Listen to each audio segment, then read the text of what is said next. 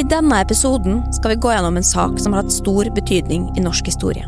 En sak som vekker følelser av engasjement hos mange. Naboer som har sendt klager og bekymringsmeldinger til kommunen i panikk, og som har fått norsk presse til å kaste opp av nysgjerrighet. Utegående reportere som har brutt seg inn for å komme nær, og eksperter hyra inn for å si noe om prosjektet som deler hele Norge i to. Vi snakker selvfølgelig om huset til Tone Damli og Makkan Foss. Eller villaen som i 2015 ble kjøpt av det nyforelska paret og med Vetle Billy i armene. Villaen som skulle huse den lykkelige trioen, og som etter alt å dømme skulle stå ferdig etter noen raske strøk med maling og mulig sponsa samarbeid. Men slik blei det ikke for den alltid smilende vestlandsjenta og Mega-Makkapakka Foss. For villaen i Bærum skulle raskt vise seg å bli et spøkelseshusprosjekt fra helvete. Eller som noen allerede kaller det Bærum. Heter Linnea Myhre, og jeg er ikke gravejournalist. Men jeg er veldig interessert i detaljene du trodde at du ikke trengte, og i dag skal vi dykke ned i Tone Damli sin drømmevilla, som endte opp som et evigvarende mareritt. Tone Damli og samboer Markus Foss har kjøpt sitt første hus sammen og skal bruke hele sommeren på oppussing. Du vet, Man har hatt så mye motgang i fire og et halvt år, så nå vil jeg bare vente og se til ting er faktisk ferdig. Du roer ikke ned før du ser at det er mulig å flytte inn og alt er klart og sånn? Nei, nei, nei, nei.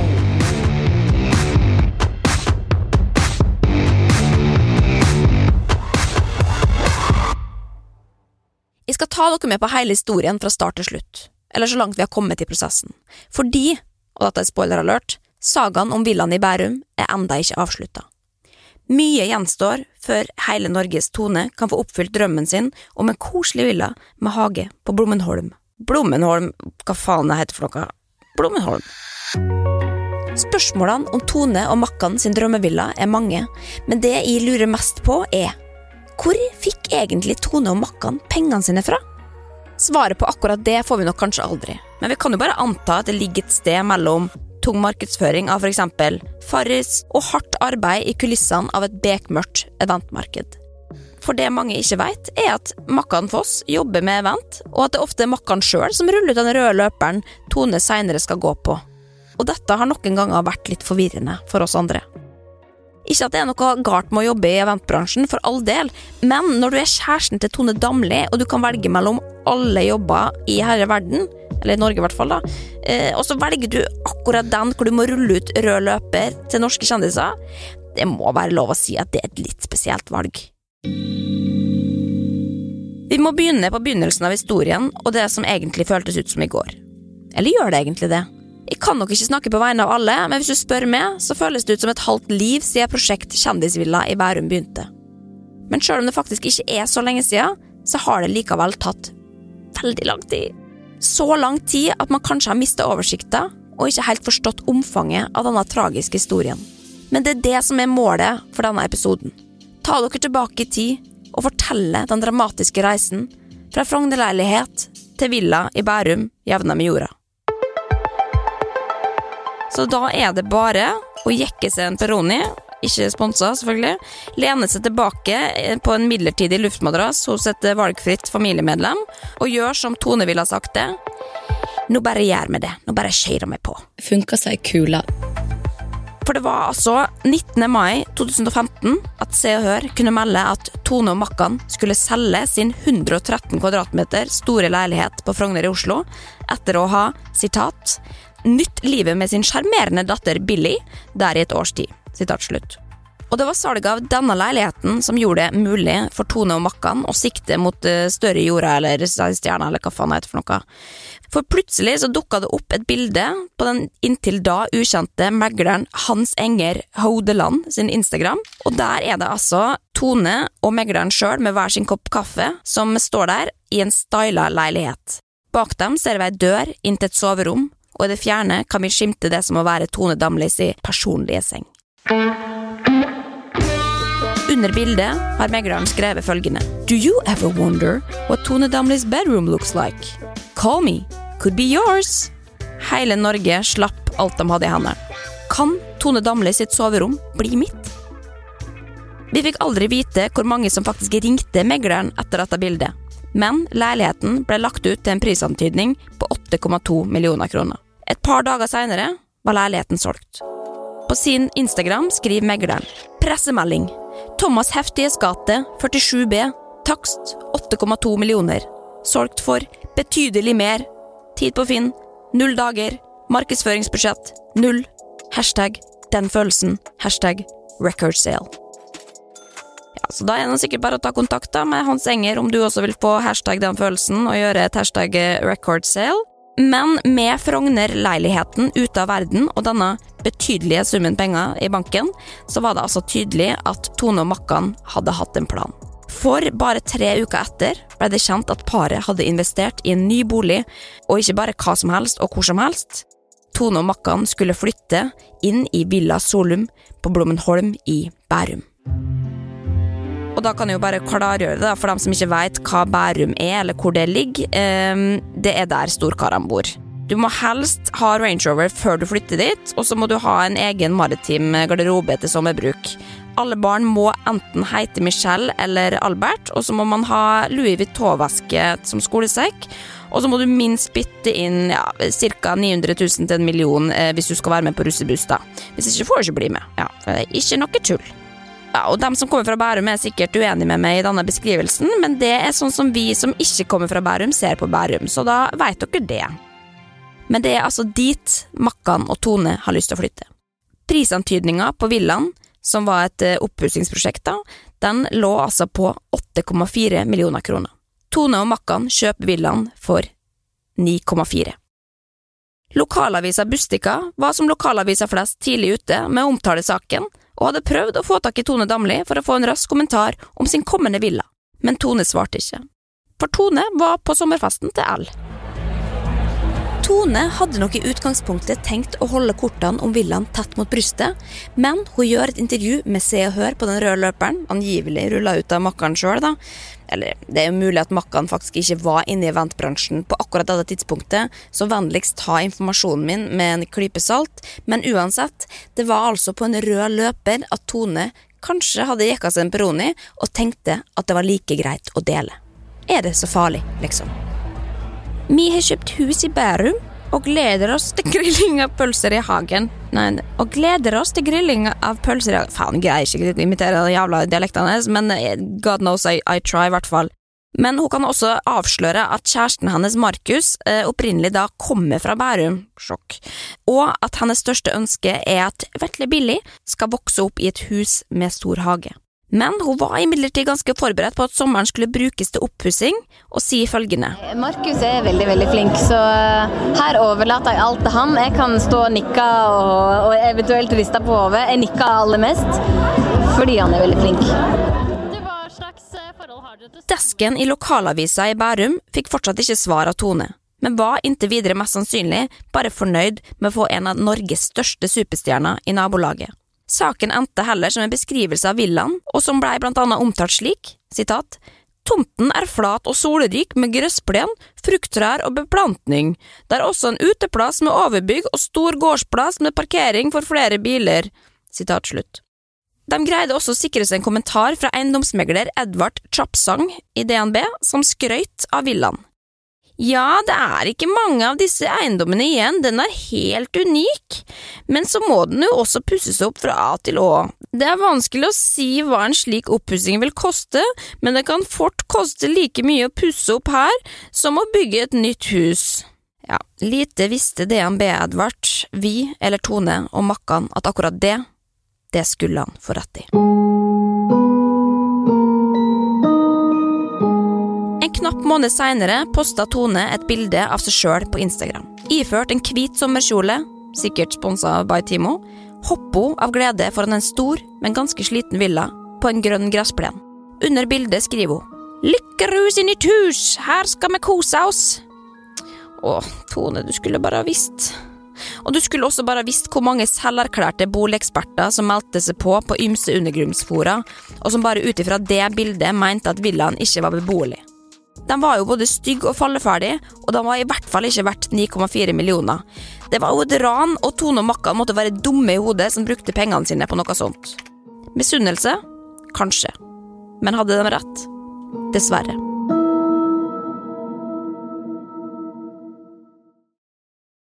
Det blir stille ei stund fra den hoppende glade Tone. På Instagram nyter hun norsk sommer med golf, bading, fjelltur på Vestlandet. Hun opptrer på Allsang på grensen, og skal plutselig bygge hytte i Sogndal. 8. september kommer sjokket. Mens Tone er i New York med it-jenta Alexa Chung, kan Se og Hør avsløre at villaen i Blommenholm skal jevnes med jorda. Det kommer fram i et dokument sendt til Bærum kommune, hvor paret har søkt om tillatelse til å bygge et nytt, ferdig hus i typen Holmgård i husserien Herskapelig. I mellomtida kan Se og Hør fortelle at Tone og Markus bor hjemme hos Markus sin far, mens han venter på å få drømmehuset bygga. På dette tidspunktet finnes det ingen hjemme hos-reportasje som kan fortelle noe om hvordan Tone og Makkan har det. Om de sov på ei luftmadrass på gutterommet til Makkan, eller hvordan dette i det hele tatt skal gå. Dette er spørsmål hele Norge må gå rundt og lure på. Det er jo i tilfelle uverdig for Norges største kjendis, men dette skal vi heldigvis få svar på seinere. Oppholdet blir uansett lenger enn noen av partene kunne forutse. For tida går, og det blir både jul og nyttår før vi hører noe mer. Men i Bærum så skjer det ting. Folk og naboer har nemlig fått med seg at Tone planlegger å jevne de falleferdige villaene med jorda, og det vil de ha seg frabedt. Sakte, men sikkert begynner det å tikke inn anonyme klager til kommunen, som rett og slett protesterer. Jeg vil på det sterkeste protestere mot en slik riving, skriver en angivelig nabo. Vi vil på det sterkeste protestere mot å rive, skriver annen. Vi ber om at kommunen undersøker saken og nekter å innvilge en eventuell rivningstillatelse.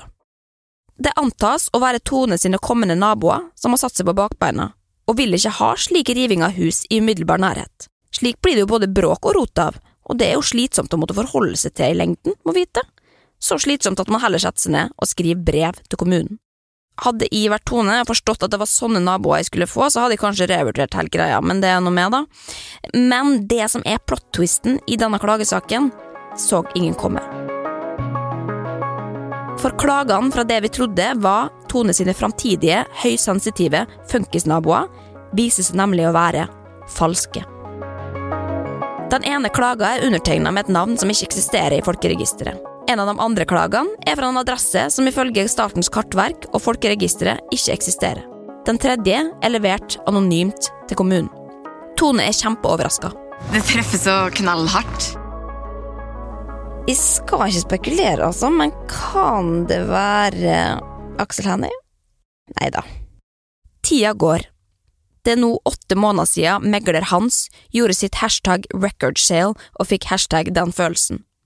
Det er et halvt år siden Tone var hoppende glad i sommerhagen utenfor sitt nye hjem. Det er vinter og februar, og Tone vurderer fortsatt å rive huset, men nå får gi plass til to nybygg. Men dette frarådes på det sterkeste. Bærum kommune konkluderte først med at boligen ikke var verneverdig, men i et nytt skriv i saken oppgir fagansvarlig for kulturvern i kommunen Ingunn Stuvøy at bygningen er sitat, kulturhistorisk interessant. Sitat slutt. Ja, og alt som er litt interessant, det må jo beholdes, må vite. Ja, det er jo samme argumentasjon som de folka i ekstreme samlere bruker, og det vet vi jo hvordan går, men det, jeg skal ikke blande med, altså. Nei da, men vi skal faktisk ikke kødde med antikvaren, fordi hvis eiendommen eller huset ditt er freda, eller såkalt eh, kulturelt eh, interessant, da, som i dette tilfellet, så må du faktisk ha tillatelse av x antall folk som enten er pensjonert, dement eller på ferie, og det kan ofte ta mange år. Og dette vet jeg faktisk, fordi at uh, min egen mor bor i et freda hus siden før krigen, og selv om den ene veggen for eksempel holder på å råtne, så er vi nå inne i liksom tiende året hvor vi venter på tillatelse til å gjøre noe med det, eller så mye som skru opp et fuglehus. Ja, eller så er det jo bare en unnskyldning slik at hun skal slippe å gjøre noe med den veggen, men det veit jeg ikke. Men det jeg sier, I can relate, Tone, I can relate. Det er uansett i denne perioden at VG sin egen Morten Hegseth har fått nok av å gå og lure på om Tones hus skal rives eller ikke, og han tar saken i egne hender. Han tar med seg kamerateam og turer ut mot Bærum. Dette var for øvrig fra den tida Morten faktisk enda hadde litt uh, sjel og personlighet igjen, og enda bar trønderdialekta si med stolthet. Da står vi utenfor Villa Solum, Tones drømmevilla, kjøpt i Bærum for 9,4 millioner. Nå må det rives, ifølge venner av paret, sier, sier de da til Se og Hør. Ine, tidligere eiendomsmegler, jobber med eiendom i Finn. Hva er ditt førsteinntrykk her? At dette ser skikkelig slitt ut. Men det ligger fantastisk til. Eh, Blommenholm er en perle i Bærum, så jeg skjønner Sossestrøk. Ja, ganske, ganske sossete. Det vil jeg si. Men Ine, må rive huset, står det i Se og Hør. Må det rives? Nei, det må ikke rives. Det er ikke noe menneskerett å rive et hus, men det ser, eh, det ser veldig slitt ut. Jeg hadde revet det sjøl. Det hadde jeg òg. Ja, så det var en viktig dag på jobben for Morten. Men så, en kald novemberdag i 2016, plutselig kommer det et innlegg fra Tone Damli på Le Blag. Så kom beskjeden som jeg aldri hadde trodd skulle komme. Kommunen har godkjent! Og så hoppa jeg, og skinnbroka hun sprakk i skrittet, men det ga jeg greit blaffen i, for nå er det lenge siden jeg har følt en slik lettelse og glede. Nå kan vi endelig starte på huset vårt! Og for dem som lurer, så er brok det altså bukse, på godt norsk. VG er uansett tidlig ute med å melde om saken. Overskrifta lyder som følger. Tone Damlis husprosjekt godkjent av kommunen. Med Tone sin blogg som eneste kilde melder de nå at det er klart. De er til og med så selvironiske at de siterer Tone sitt eget lille spark til media. Sitat Å digge at det kan bli en hyggelig sak i media om dette. Er ganske lei av de negative, kan du seie. Sitat slutt. Ja, Tone er lei, og det har hun vært lenge, og med rette. Men endelig har bordet snudd. Med nyrevna bukse er Tone klar. Let the games begin. Hey yo, I'm trapped, no, I can't get out of this place. Even though I wanna, like in chill, I'm locked up. Damn dog, I got the one, your shit is real crazy. Men det er jo selvfølgelig ikke bare å sette seg naken på breakingballen og rive dritt med en gang. For det er jo vinter, selvfølgelig, og folk skal feire jul, og snøen skal komme, og snøen skal gå, og det blir en lang stund stille om villaen, og vi antar at det er av naturlige årsaker. I stedet setter Tone seg på en annen wrecking ball og bykser inn i det nye året med en helt ny singel. Singelen teases i form av en hemmelighetsfull slags nedtelling på Instagram i form av bilder av svarte firkanter, men som dessverre blir litt misforstått, og følgerne hans tror at det er noe som har dødd. Men når singelen Pinnacle blir lansert, så skjønner de aller fleste greia, selv om ingen vet hva Pinnacle faktisk betyr, da. Eh, ja, og så får låta også da sitt uh, sedvanlige terningkast to av VG, som omtaler det som blant annet tørt om sadosex. Selv om jeg må innrømme at jeg syns at den låta var ganske kul, til tross for at det var en litt uh, uvant stil for Tone, da. Jeg tilhører jo den sekta som er ganske overbevist om at Tone vil eksplodere som artist, hvis hun bare tør å gi seg hen til countrysjangeren. Men altså, jeg skal ikke mase, og jeg regner med at det er en grunn til at Tonne ikke har lyst til å bli eh, cowboylala helt ennå, men nå er det i hvert fall sagt. Hun gjør uansett en kjapp promorunde på P3 Morgen i forbindelse med singelen, men folk flest er jo selvfølgelig ikke opptatt av musikken, de er opptatt av noe helt annet. Det er mye styr med dette huset. Dere har kjøpt dere hus. Ja, la oss, Altså- la oss prate litt. Ja, men Hvordan går det med huset? Ja, for det har vært mye styr. Men hvordan Ja. går det nå? Det går veldig bra. Nå, eh, liksom, det har gått ett og et halvt år, det er altfor lenge. Men ting tar tid. Nå er det liksom ordentlig i gang. Nå, ja. nå ser en en framdrift, og det er veldig deilig. Men nå er kommunen fornøyd, og naboene er fornøyd, alle er fornøyd? Det, Tilsynelatende så er alle fornøyde nå, og vi er veldig fornøyde. Så okay. da, da er det bra. Men, men, du, men, du, men du, liksom, du roer ikke ned før du ser at det er mulig å flytte inn og alt er klart og sånn? Nei. Når, når blir det? Det er helt umulig å si, men altså, jeg håper på neste jul. Altså den som kommer i 2017? Ja, Ja. rett og slett. Men det kan skje før, og det kan skje lenge etterpå også. Og så vet han aldri hvordan om han- Men bare to uker etter at Tone har vært på riksdekkende radio og sagt at alt er i sin skjønneste orden og funka som ei kule, så kommer sjokknyhetene. Tone har revet den historisk interessante villaen uten tillatelse fra kommunen. Og sjøl om vi selvfølgelig ikke tror at det er Tone sjøl som har satt seg på rivningskula som Miley Cyrus og trykka på knappen som har jevna hele dritten med jorda, så er det jo likevel noen som har hørt feil. Kommunen har nemlig kun gitt tillatelse om å sette opp tilbygg, altså det man da, som er et ekstra bygg på tomta, og bygge om eneboligen. Det de ikke har gitt tillatelse til, å jevne hele bygninga med jorda. Ifølge Bustika står det skrevet i brevet fra kommunen til Nordprosjekt AS, som leder altså dette byggeprosjektet, sitat det ble ved behandling av søknaden lagt til grunn at deler av bygget ville bli stående, men også deler ville måtte skiftes ut. Sitat slutt. Men nå er altså hele dritten borte, og et bilde som verserer rundt i ymse aviser, viser en særdeles trist haug med jord der villaen skulle ha stått, dekka med et tynt lag snø. Nordprosjekt AS har ei uke på å gjøre rede for seg.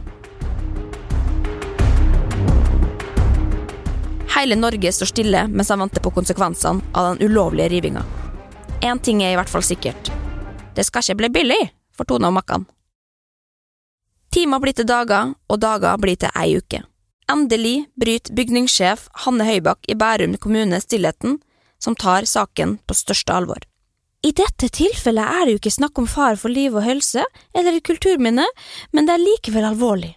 Ingen naboer ble varslet om at de ville rive boligen, sier hun til Asker og Bærum Bustikke. Og som straff må Damli og Foss sende enda en fuckings ny, komplett oppdatert søknad som omfatter nybygg og grunnmur og terrengarbeider. I tillegg er det altså snakk om et gebyr, eller hvis du vil ha det litt mer dramatisk, en bot. Dette her er jo for vilt. Jeg satt og tenkte bare sånn Hva har jeg gjort for å fortjene dette her? Boten kan ifølge avisa komme på inntil 200 000 kroner. VG er tidlig på ballen og siterer saken fra lokalavisa, men Tone gidder ikke svare. I mellomtida har hun vært på senkveld og fortalt om hvordan det er å bo hos svigers isteden, og endelig skal Norge altså få svaret på alle sine spørsmål og få viktig informasjon om boligsituasjonen hans, som viser seg faktisk å være på Megamakapakafoss sitt gutterom, eller promperom, som Tone kaller det. Ja, nå viser det seg at det ikke skulle være fritt fram å bruke ukritisk fra databasen over Tone Damli sine tidligere intervjuer, blant andre eksempel dette intervjuet som hun gjorde for senkveld på denne tida, så derfor ser jeg meg rett og slett nødt til å prøve å gjengi dette intervjuet på egen hånd, til alles eh, dialektpoliti sin store glede, kan jeg tenke meg. Så mine damer og herrer, her er intervjuet mellom Tone Damli og Thomas Numme på senkveld 24. februar 2017. Ja, hvor er det dere bor nå, egentlig? Hva Nei, vi bor hos um, pappaen til Markus. På det såkalte promperommet, eh, som da er hans eh, barndomsrom. Eh, men, men eh, hvordan ser det gutterommet ut nå? Er det Nei, det ser ut eh, akkurat sånn som det så ut da han var eh, Eller bodde der, eller som, som liten, eller som, som ungdom. Ja, så det er, eh, så, så det er eh, plakater. Hva, hvem er det plakater da på veggene? Nei, det, det er mye av en eh, sjøl. og så ler de masse, da, alle sammen i studio. Eh, ja, og så sier Thomas videre her, da. Ja, dere kjøpte et gammelt hus som dere rev ned helt. Er det Er kommunen og naboer er alle fornøyde nå, eller hvordan Hvordan er ståa? Naboene har vært fornøyde hele tiden. Kjempenabolag. Alle skrev under og sa ja. Kommuner er vel som kommuner flest. Litt sånn skal være litt vanskelige. Eh, så jeg skulle jo ønske at jeg bare kunne tenkt at eh, her er det et par i etableringsfasen som vil ha seg tak over høvet og ha det bra. Men eh, det tenker jeg ikke helt. Nei, sier Thomas da. Men nei, det ordna seg sikkert til slutt.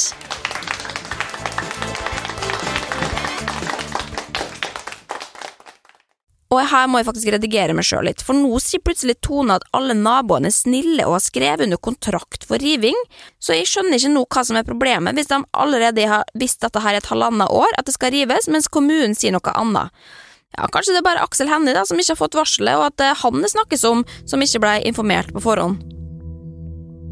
Tone håper likevel fortsatt å få flytta inn innen jul 2017. Og det håper vi jo alle. Alt alle vil, er jo at Tone skal bli lykkelig. Ja, Bortsett fra et par stykker i mediebransjen da, som later til å ville det motsatte, og bruker hele sin våkne tid på å stille Tone i et dårlig lys. Etter faktisk flere år i samme kjipe tone er det særlig etter at låta Pinnacle at det blir tydelig. Onde krefter er ute etter Tone og vil rett og slett jevne henne med jorda. For uansett hva Tone gjør, framstilles det som en flopp. Anmelderne nekter å ta henne seriøst. Og når f.eks. Pinnacle får 180 000 streamings på én uke, da er det ifølge VG sin musikkjournalist Thomas Talseth en flopp. Hun latterliggjøres for å ikke gjøre det like bra som sine artistkollegaer Astrid S og Julie Bergan. Media lager ikke sak på ikke sak om hvordan Tone mislykkes, og det bris alltid til at Tone er skurken. Heldigvis får Tone nok, og hun setter ned foten. I et innlegg på Le Blague skriver hun om det hun omtaler som en heksejakt, som hun senere går dypere inn på i et intervju med P3. Jeg bare kjente at det, det toppa seg litt for meg på et eller annet punkt. Og jeg hadde behov for å si noe om det. Dette er mine tanker. Eh, det er ikke sikkert VG har den hensikten at det, det var en heksejakt, som jeg har kalt det. da. Men det føltes ut som jeg ble motarbeida, eh, og at jeg var ute etter å ta meg på et eller annet vis. Og det gjelder ikke bare meg, det gjelder veldig mange andre artister òg. Så jeg føler at det blogginnlegget var litt for, litt for alle, ikke bare meg sjøl. Eh, og kanskje òg for at folk skal kunne lese litt hvordan det faktisk er.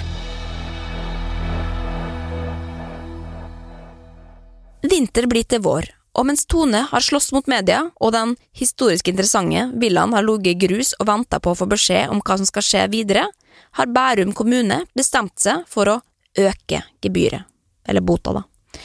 Mens Tone og Makkan har venta på klarsignal til å få fortsette, har Bærum altså funnet opp et nytt gebyr på nye 200 000 kroner fordi avfallet etter rivinga har ligget så lenge at det, citat, har dermed medført reell fare for alvorlig uopprettelig skade og reell fare for helseskade og eller skade for miljøet.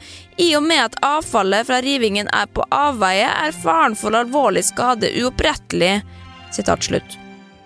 Bærum kommune straffer med andre ord Tone og Makkan for å bruke lang tid, når det egentlig er dem sjøl som har brukt lang tid på å gjøre seg vanskelig og på å behandle saken. Totalsummen er nå potensielt 400 000 kroner å punge ut for boligprosjektet, og nå begynner det virkelig å bli det motsatte av billig. Både VG og Bærums lokalavis beskriver nå en ordkrig mellom partene. Kommunen mener at paret sitat, åpenbart skjønte til at det var ulovlig å rive bygningen, sitat slutt, mens Tore Kopperud fra Side om side, nei, unnskyld, eh, i Kopperud Big Invest AS argumenterer for at avgrensningen mellom riving og total ombygging ikke var enstydig i byggetillatelsen kommunen ga i november i fjor, og at det under kartleggingen ble oppdaget at villaens hovedkonstruksjoner var så dårlige at det av sikkerhetsmessige årsaker var behov for riving. Ja, så Oversatt betyr det altså mens vi prøvde å redde den gamle dritten dere mener var for historisk interessant å rive, så oppdaga vi at det var så falleferdig at det nesten falt ned av seg sjøl, og vi hadde faktisk ikke noe valg. Tida går, og mens Tone forbereder seg til årets sommerfest med L, koster Makkan støv av den røde løperen i garasjen. Samtidig kommer den nedslående beskjeden. Tone og Makkan får det fryktede gebyret på 400 000 kroner. Det kan virke som at Tone har fått nok. For i mellomtida flytter hun inn på Vestre Kjernes gård med Tor Andresen, Tjave fra Madcon, Kristel Alsos, Silja ja, og så han siste som jeg ikke husker navnet på, eh, for å rett og slett være med i hver gang vi møtes. I dag er det Tone Damli som er hedersgjest. Hvis det er alt, så griner jeg liksom av glede. Åh, det er følelser her og der, altså overalt. Og på selveste Tone sin dag, på hver gang vi møtes, så presterer han som jeg fortsatt ikke husker navnet på, å si dette. Du, da er det én ting jeg lurer på. Ok, greit. Fordi, sånn som jeg oppfatter det, da, og jeg tror kanskje veldig mange andre òg, Mm. så er avisene i Norge litt sånn ikke sant? Det er krig i Syria. Svære krigstyper.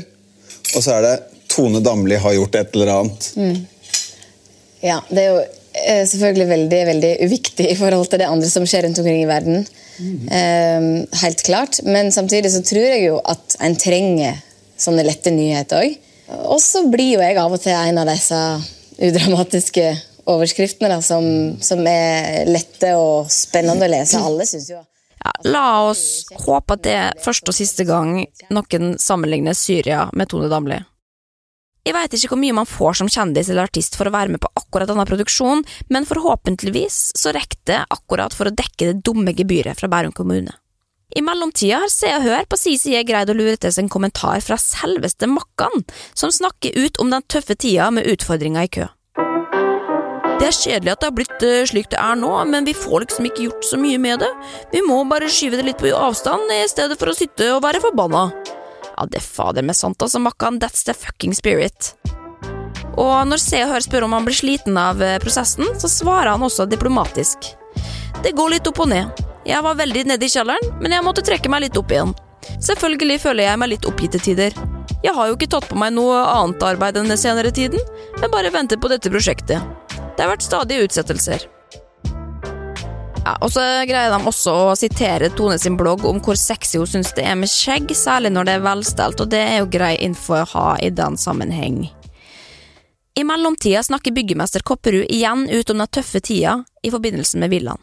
Han har lenge vært taus nå, sier han til VG, men nå har han altså klart å si sin mening. Sitat. Dette har vært en tragisk sak helt fra starten, og jeg synes Bærum kommune har gjort seg vanskelige. Jeg har holdt på som byggemester siden 1983. Jeg synes denne saken her har vært utrolig vanskelig. Det jeg synes er det triste, er at det ikke applauderes at Tone Damli og Markus Foss skal bygge et hus som er i samme stil som det huset som sto der. Og der er jeg faktisk litt eh, enig, altså. Tone og Makkan burde jo fått mer applaus for å bygge et hus som eh, ligner på det de jevna med jorda. Skulle jo fader meg bare mangle, altså. Ja. Nei, det er ikke noe tvil. 2017 har vært et drittår for Tone. Nedtur på nedtur, bare kritikk å få. Høsten samme år tar hun imidlertid en velfortjent ferie til Dubai. Litt sol og litt varme, men av mamma og hos søster Tale. En liten detox fra mann og barn, svigerfamilie og villamas. Samtidig setter hun navnet sitt på litt billig tekstil og kjører ut et uventa, men egentlig ganske fint Vero Moda-samarbeid. Butikken er med andre ord åpen, og businessen ruller greit, til tross for at det spøker for villaens framtid. Det er nyttårsaften, og det er på tide å legge 2017 bak seg for Tone og co. Og vi veit jo hvordan det er. Nyttårsaften klokka 23.59. Man står der i fem minusgrader med litt for lite klær, stjerneskudd i handa mens man skuer etter glimt av fyrverkeri som ikke synes pga. for lavt skydekke. Det er tidspunktet du står der og forteller deg sjøl at neste år, det skal bli bedre. Neste år, det skal bli det aller beste. Jeg vet ikke om Tone gjorde akkurat det, altså, men jeg vil jo tro det. Hun er jo tross alt som alle oss andre dødelige. Sjøl om jeg jo noen ganger syns at det er litt vanskelig å tro på, da. Herregud, hun er jo faktisk Hun er jo Tone Damli, liksom. Hun er jo ikke som oss. Ja. Uansett, 2018 skulle starte mye bedre for Tone. Heldigvis. Takk og lov. For allerede i januar begynner første episode av Hver gang vi møtes og ruller på skjermen og vi får bli ekstra godt kjent med Tone. Hun er en interessant nøtt, altså. Hun besitter en veldig sterk personlighet. Altså, her er egentlig gutt, på en måte. Hun tenker som en gutt, overfører seg som en gutt og flørter som en gutt. Uh, men ser absolutt ikke ut som en gutt. Og det gjør jo ting enda mer interessant, ikke sant? Det du hørte her, det kan jo tolkes på mange måter, selvfølgelig, men jeg personlig velger å lese det som at dette er Sjave, som synes at altså, Tone har en sterk personlighet, men at det ikke er så lett å komplimentere henne for det, ettersom hun tross alt er kvinne. Fordi dere vet jo det, kvinner skal ikke ha sterk personlighet, må vite, så her gjelder det altså å holde tunga rett i munnen. 1. februar kommer dessuten nyheten fra kommunen med gladnyheten om at bota blir halvert, fra 400 til 200 000! Men det ligger også et annet dokument i den elektroniske saksmappa for klagesaken.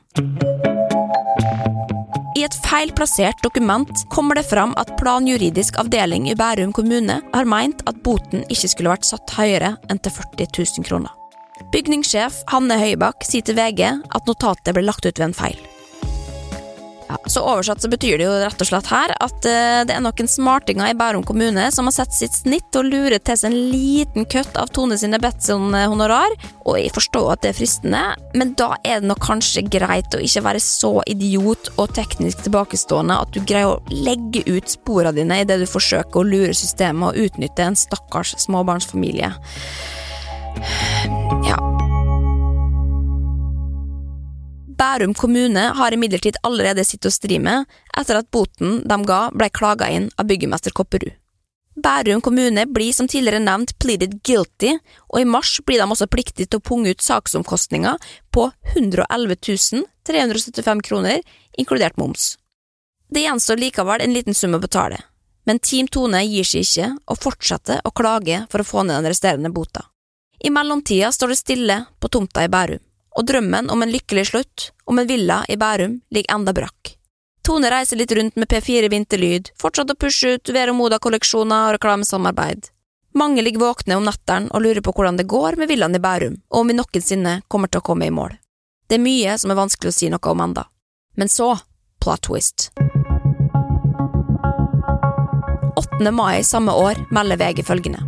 Tone Damli og Markus Foss selger tomt. Altså, jeg vet ikke med dere, men personlig så husker jeg denne nyheten som om det var i går. For det kan jo ved første øyekast oppleves som det. At Tone og Markus har fått nok og selger hele dritten. At de ikke orker mer bærumsdrama og byråkrati, og forlot en villa jevna med jorda til de penge- og maktgriske pampene. Men nei da. For Tone og Markus har bare solgt deler av tomta. Tomta var jo utgangspunktet hele 800 kvadratmeter stor, og de hadde jo åpenbart ikke bruk for hele. Derfor legger de deler av tomta ut til, hold dere fast, 7 950 000 kroner. Og da er det på plass med en liten recap her, fordi Tone og Makkan kjøpte altså hele tomta med villa for 9,5 millioner i 2015. Tre år seinere selger de deler av tomta uten villa for nesten 8 millioner. Ja, you do the fucking math, altså. Ja, nei, jeg vet ikke hva jeg skal si. Det, altså, det, hvis du slår opp i ordboka på ordet kremmer, så ser du bildet av Makkan Foss, altså. Og Tone Damli i bakgrunnen, da, som fotobomben med tunga ute mens hun gjør peacetegn. Altså, nå fikk de riktignok ikke solgt den for mer enn 7,2 millioner, men ja, jeg regner med at det går greit, eller? Ja. Tida går uten at vi hører noe mer om villaen i Bærum. Tone reiser til Gran Canaria for å spille inn Love Island, gir ut en låt, lanserer flere kolleksjoner for Vero Moda. Det blir vinter og jul, camp senkveld og litt forskjellig smågodt for Tone. Hun vesle Billy har til og med rukket å fylt fem år, og det feires med sponsa Barbie-bursdag på Instagram. Plutselig skjer det noe.